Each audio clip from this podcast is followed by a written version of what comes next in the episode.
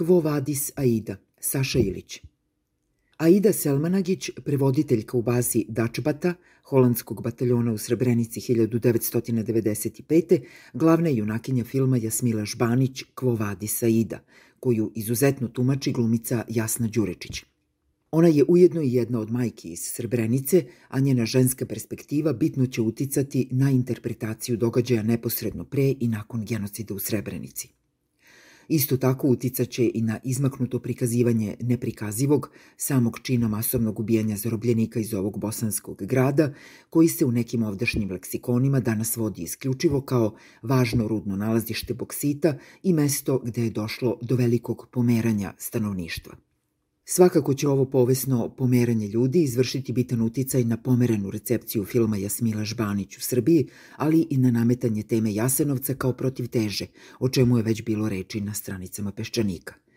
Međutim, ono što će ostati u senci različitih interpretacija, hrišćanske simbolike ili upotrebe dokumenta u fikciji, zapravo je sama Aida koja nosi osnovnu priču od prvog do poslednjeg kadra – Sudbina Aide Selmanagić, jedna od mnogih srebreničanki koje su izgubile sve muške članove svoje porodice, predstavlja neispričanu žensku priču o genocidu u Srebrenici koju je Smila Žbanić prvi put prenela na film.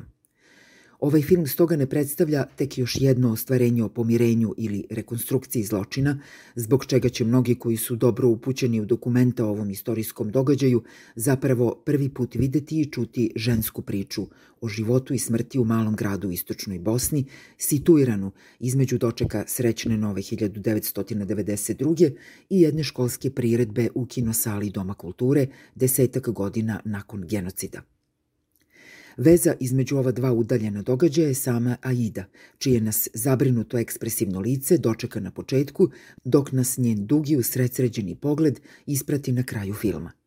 Između ta dva trenutka u filmu Kvo vadi Saida odvija se priča o bolnoj i strašnoj transformaciji žene, njene uloge u porodici i društvu, njenog tela na pozornici povesti, kao i njenog glasa u svedočenju i nastojanju da to društvo preobrazi.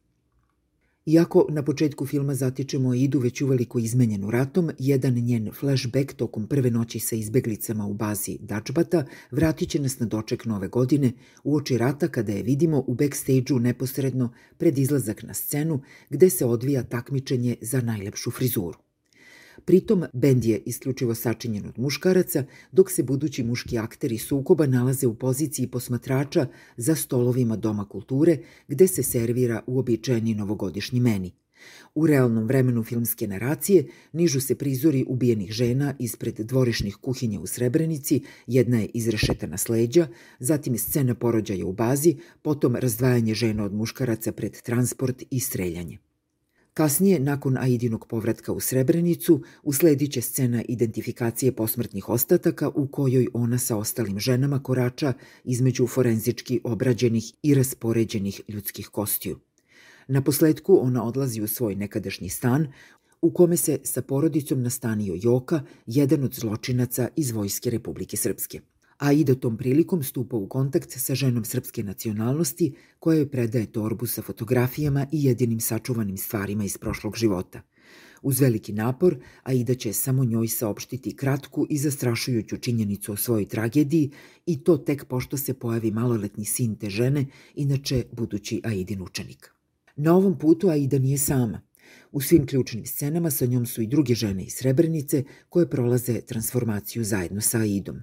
Druga važna uloga u filmu stoga nije uloga Ratka Mladića, koga Boris Isaković igra uznemirujuće upečatljivo, već lik Ćamile Omanović, ekonomistkinje i šefice računovodstva neke srebreničke firme, čija će se nit života provući kroz sve bitne narativne tačke filma. Doček nove godine, dolazak u bazu, pregovor sa Ratkom Mladićem, odlazak iz baze i kasniji povratak u Srebrenicu.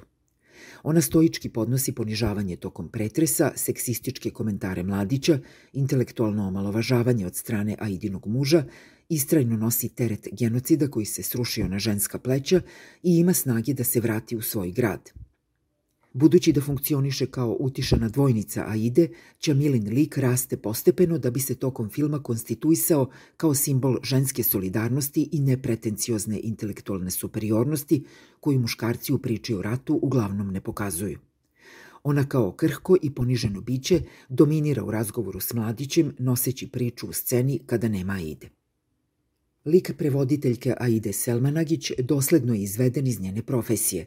Ona jezički posreduje između muških zaraćenih strana, srpske i bošnjačke, sa katastrofalnom ulogom holandske, da bi tokom vremena postala svesna potpunog izostanka empatije kod muškog sveta koji kulminira genocidom.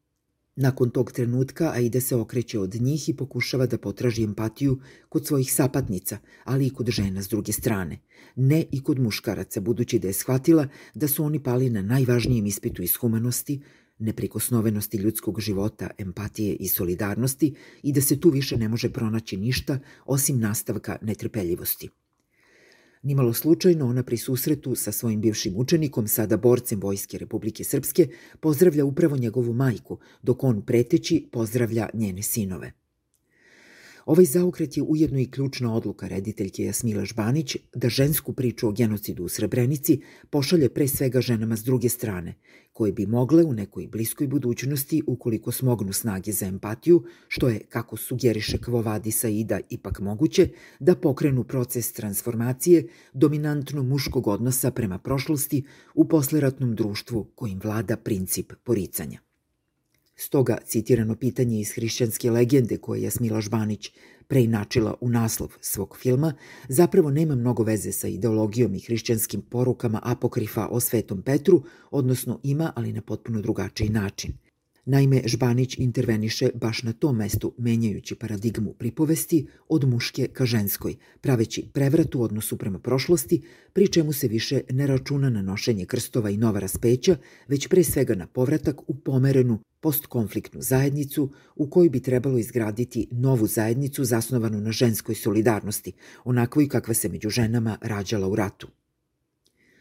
Aidin dugi pogled ka kameri i iznad nje na kraju filma upućen je kao poziv svima nama da joj se u izgradnji tog sveta pridružimo. Ovaj izuzetni film Jasmila Žbanić posvećen je ženama Srebrenice i 8370 dvojici njihovih ubijenih sinova, očeva, muževa, braće, rođaka, komšija. Pogledajmo ga bez apriornog negiranja i interpretativnog nasilja koje već počinje da puni stranice ovdašnjih medija.